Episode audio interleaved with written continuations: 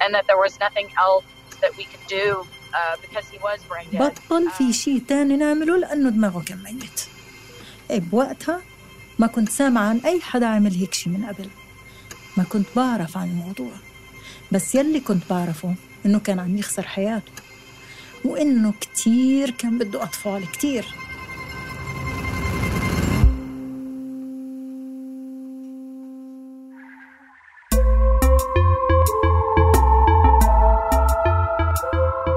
إذا منطلع على الصورة الكبيرة ومننسى ولو لحظياً الكوارث الطبيعية والحروب منلاقي إنه عالمنا منظم كتير ومتوقع إلى حد كبير.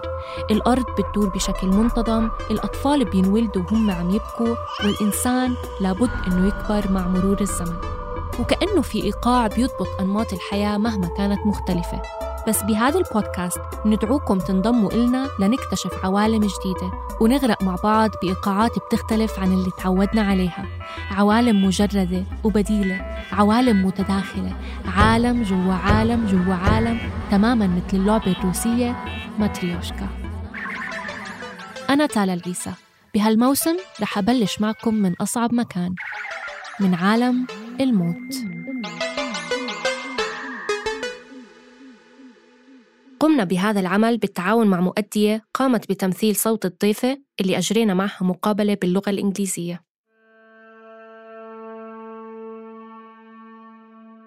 لما نفقد حدا حدا عزيز ما بنفقد بس وجوده الجسدي بنفقد كمان الشعور اللي كنا نحسه مع هالشخص. وحتى لو أسعفتنا الذاكرة وضلت تساعدنا بعد الموت تذكر الشعور مش زي الإحساس فيه.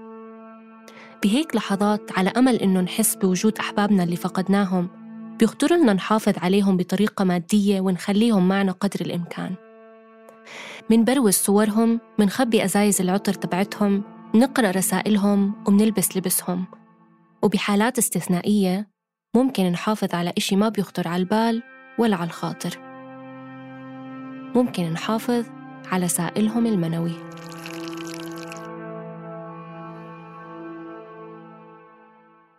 اسمي ميسي. وعايشة ببلدة كتير كبيرة بأمريكا.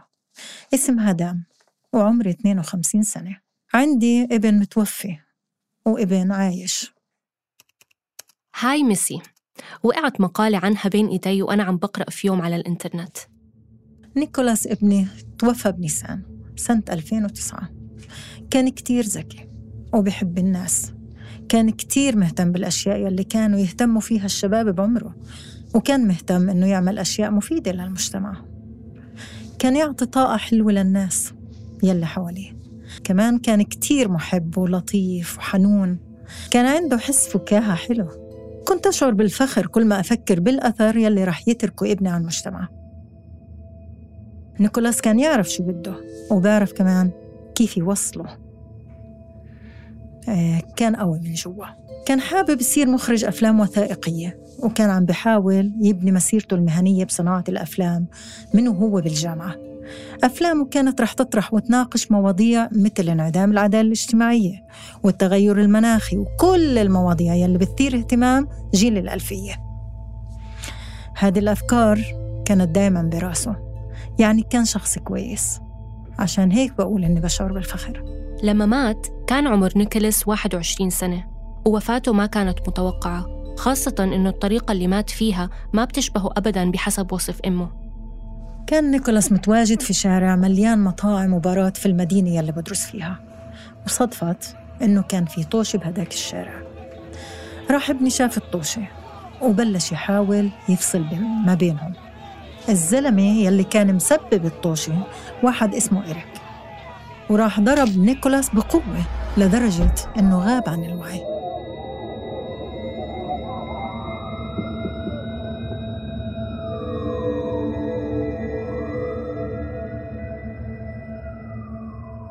كان يرفض العنف. كان مؤمن إنه المزح والرواق بيساعدوا الواحد يتعامل مع أي شيء.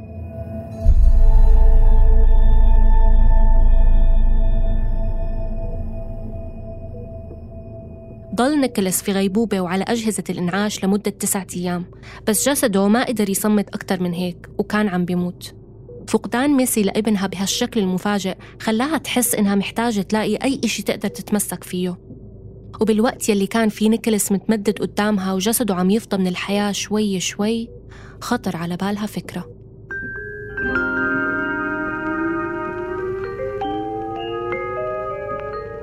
يعني الواحد بصير يخطر على باله أفكار مجنونة. بصير بيجي على باله إنه يعملها إنه يستنسخ. بصير الواحد يفكر بأي شيء ممكن قد ما كان مجنون. وهي الفكرة كانت واحدة من هالأشياء. لما عرفت إنه رح يتوفى وإنه بطل في شيء تاني نعمله لأنه دماغه كان ميت خطر على بالي إنه ليش ليش ما أحتفظ بحيواناته المنوية؟ يعني بوقتها ما كنت سامعة عن أي حدا عمل هيك شيء ما كنت بعرف إشي عن الموضوع. بس يلي كنت بعرفه إنه هو كان عم يخسر حياته. وهو كتير كان بده أطفال. كتير يعني. دايما كان يحكي هيك. طبعا هالشي كان حيكون نعمة كان حيكون يعني حيكون زي كأنه جزء منه كان هو حابب إنه يستمر. كان بده ثلاث أولاد. وكان كتير متمسك بفكرة إنه يجيب أولاد. كان بده يكمل سلالته وبده يجيب أحفاد لأبوه. وأنا بالنسبة إلي كنت شايفة إنه أطفاله ممكن يكونوا امتداد لإله. نيكولاس كان على علاقة جدية بصديقته وكان عندهم خطط مستقبلية بإنهم يكونوا عيلة ويجيبوا أطفال. كان دائما يحكي عن هاي المخططات. من هون خطرت على بال ميسي فكرة الحفاظ على السائل المنوي. على فكرة هاي مش أول حلقة منحكي فيها عن التفريز كإحدى الطرق المعهودة لتخليد الأجسام. إذا ما سمعتوا الحلقة الأولى بعنوان التبريد العميق بنصحكم تسمعوها لتعرفوا ليش في أشخاص بدهم يجمدوا أدمغتهم بعد ما يموتوا. المهم خلينا نرجع لموضوعنا. عملية سحب الحيوانات المنوية وتجميدها متعارف عليها بالعالم الطبي لما تكون قدرة الرجل على الإنجاب مهددة بالخطر. مثلا لو كان في رجل مصاب بمرض السرطان وكان لازم يتعالج بالأشعة بيقدر يعمل هاي العملية لضمان الحفاظ على حيواناته المنوية وقدرته على الإنجاب. علما أنه الأشعة وبعض علاجات السرطان الأخرى بتأثر سلبا على الحيوانات.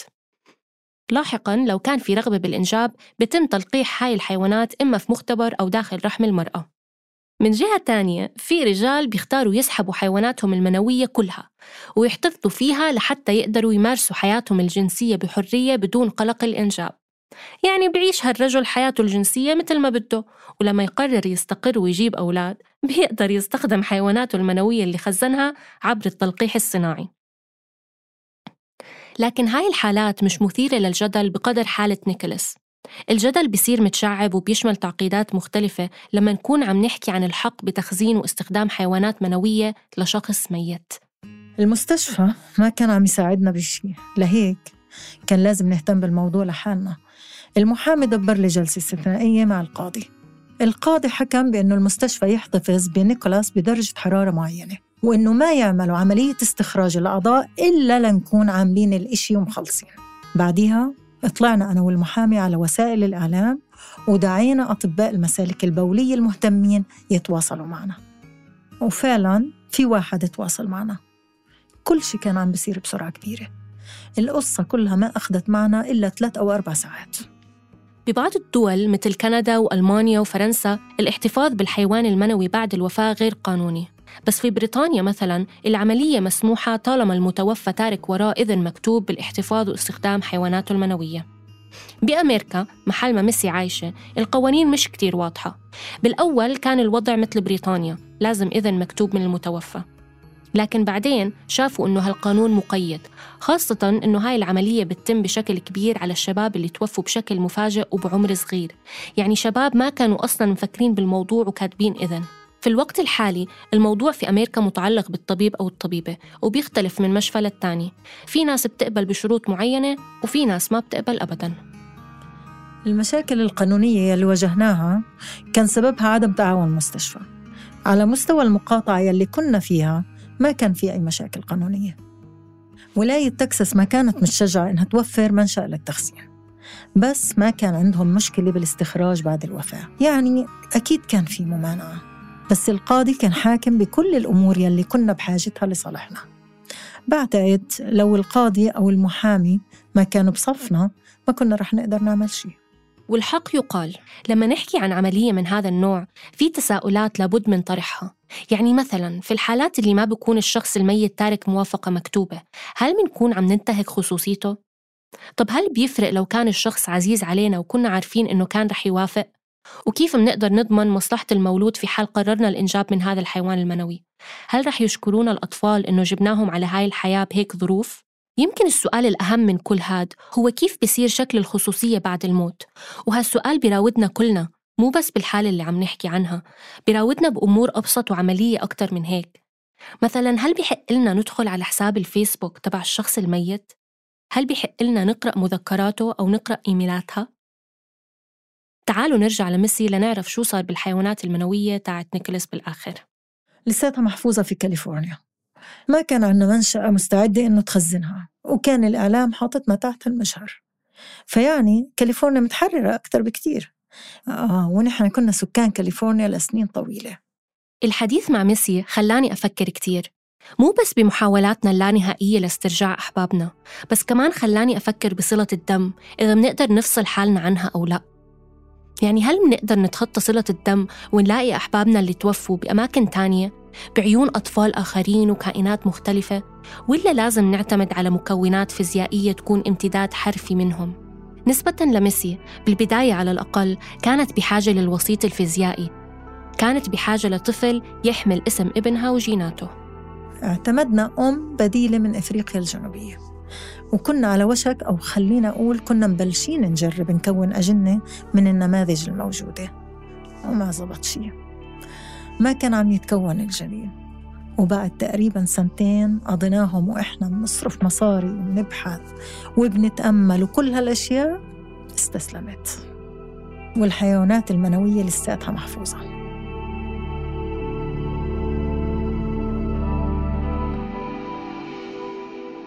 طيب وبلا مؤاخذة يعني الموضوع كله كم تكلفته؟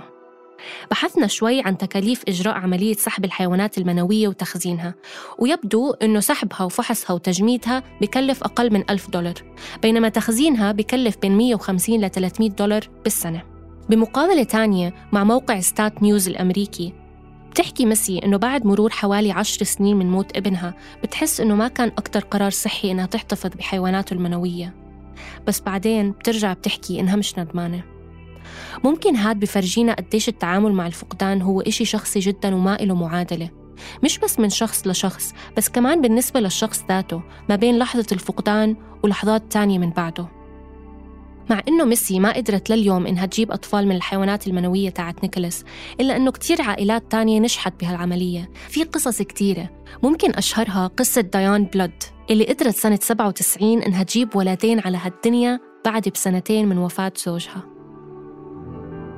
اليوم حيوانات نيكولاس المنوية لساتها مجمدة بمركز طبي.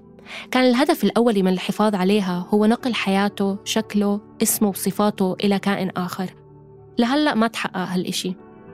بس مش هذا المهم. المهم إنه هالحيوانات بغض النظر عن مصيرها وشو ما صار فيها بتخبرنا كتير عن طبيعتنا البشرية عن ضعفنا أمام الفقدان وهشاشتنا أمام الأشخاص اللي منحبهم واللي بيحرمنا الموت منهم. كنا معكم من الكتابة جنى قزاز الإعداد والتقديم تالا العيسى مساهمة بالإعداد سليم سلامة هندسة الصوت وإخراجه تيسير قباني أداء صوت ميسي سهام الموسى الترجمة كريستينا كاكاتو النشر والتواصل مرام النبالي. خلال عملنا على الحلقات الأولية من بودكاست ماتريوشكا ظهرت أفكار جديدة ومقترحات ما كنا مفكرين فيها. حالياً عم نشتغل خلف الكواليس على هالأفكار. بس فريق العمل بحاجة مثل العالم كله استراحة بآخر هاي السنة العجيبة.